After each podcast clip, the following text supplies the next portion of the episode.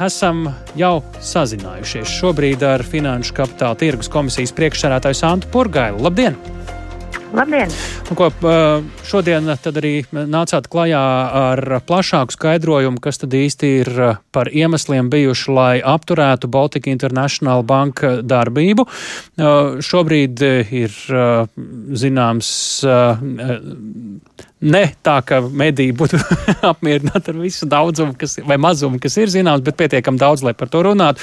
Vienkāršiem vārdiem klausītājiem, kā jūs varbūt cik var izvairoties no ļoti korektas likuma un finanšu terminoloģijas, bet tādā cilvēku valodā pateikt, kas tad ir tas, kāpēc šī banka bija jāver ciet.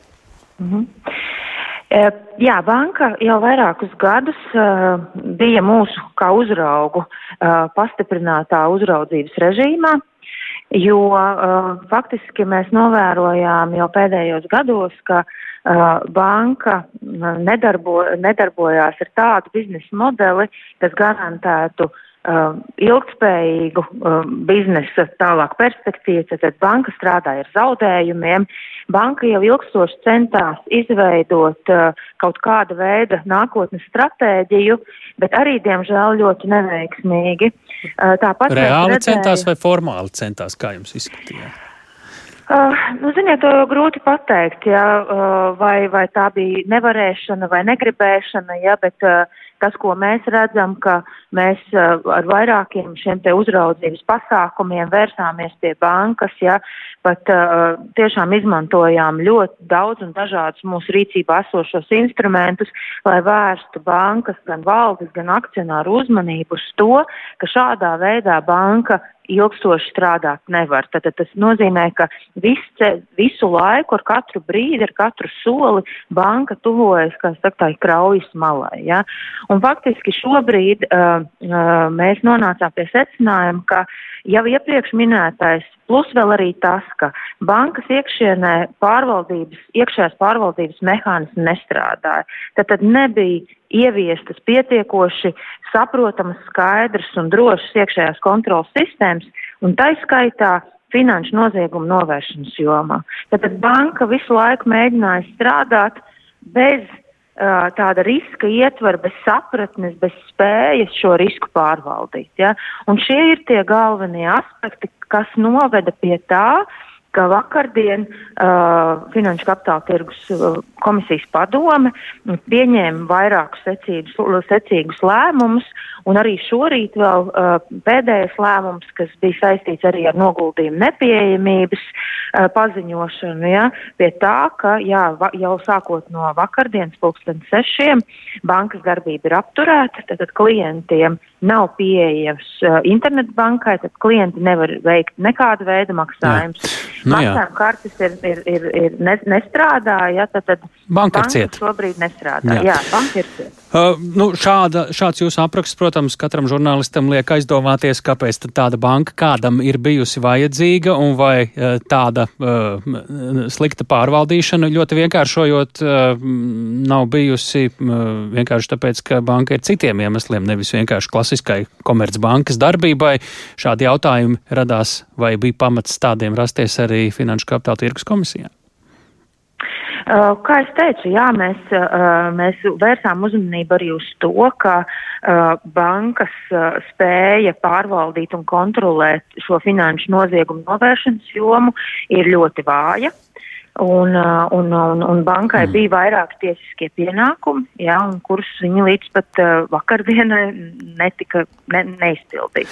Ja, te mēs redzam šodien aģentūras leta rakstīto, kas uh, liek loģiski noprast, es nesaku, ka tā ir, bet noprast, ka kratīšanas Baltika International Bank uh, notikušas krimināla procesā par iespējumu noziedzīgi iegūt līdzekļu legalizēšanu lielā apmērā. Uh, šo es pieļauju, jūs konkrētāk pagaidām nekomentējat, ja? Nē, mēs diemžēl nevaram. Jā. Kad mēs varētu uzzināt vairāk detaļu, vai šis, atb, vai šis ir saistīts vai nav saistīts ar šo banku? Kad varētu būt lielāka skaidrība?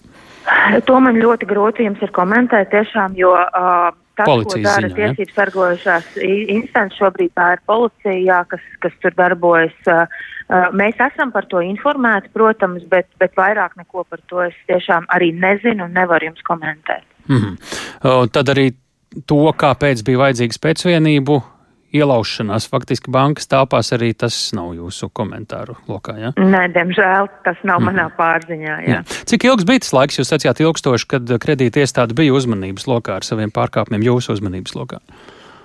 Nu, principā tie ir pat um, vairāki gadi. Mm -hmm. Un tā sadarbība ar banku tad līdz tās slēgšanai ir bijusi visai, uh, tā teikt, celmaina, ja?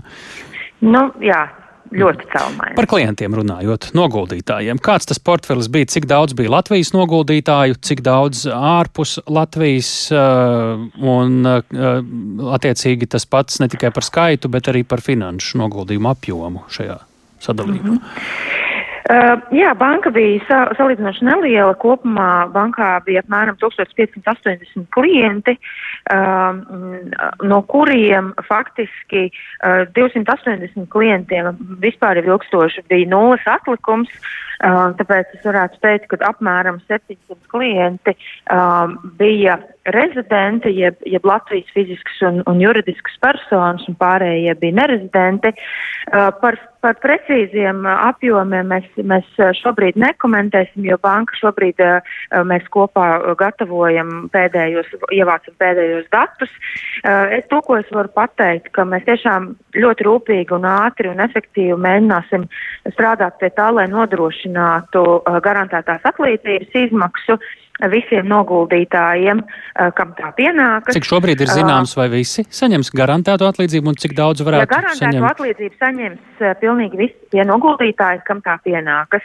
Tātad šobrīd tā tiks izmaksāta no garant, noguldījuma garantija fonda, bet arī bankas rīcībā ir gan likvīdie, gan arī citi ah. aktīvi, ah. kurus realizējot, mēs ceram pilnībā šo visu naudu atgūt atpakaļ noguldījuma garantija fondam. Un pavisam īsi vēl noslēgumā par to, kāda ir ieteikuma uz Latvijas finanšu sistēmu. Šajā gadījumā izklausās mazāk varbūt finansiāli, vairāk arī reputācijas ziņā, ko šis gadījums kādas sekas atstāja. Mm -hmm.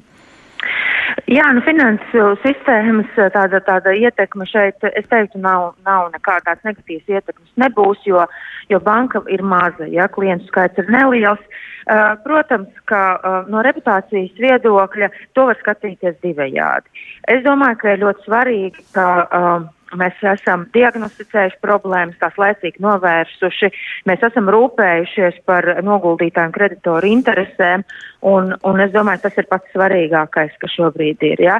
Tālāk tiesība, eh, tiesība aizsardzības institūcijas darīs savu darbu, un ja tur arī būs kādi pārkāpumi, tad tie tiks sodīti likuma atbilstošā kārtībā.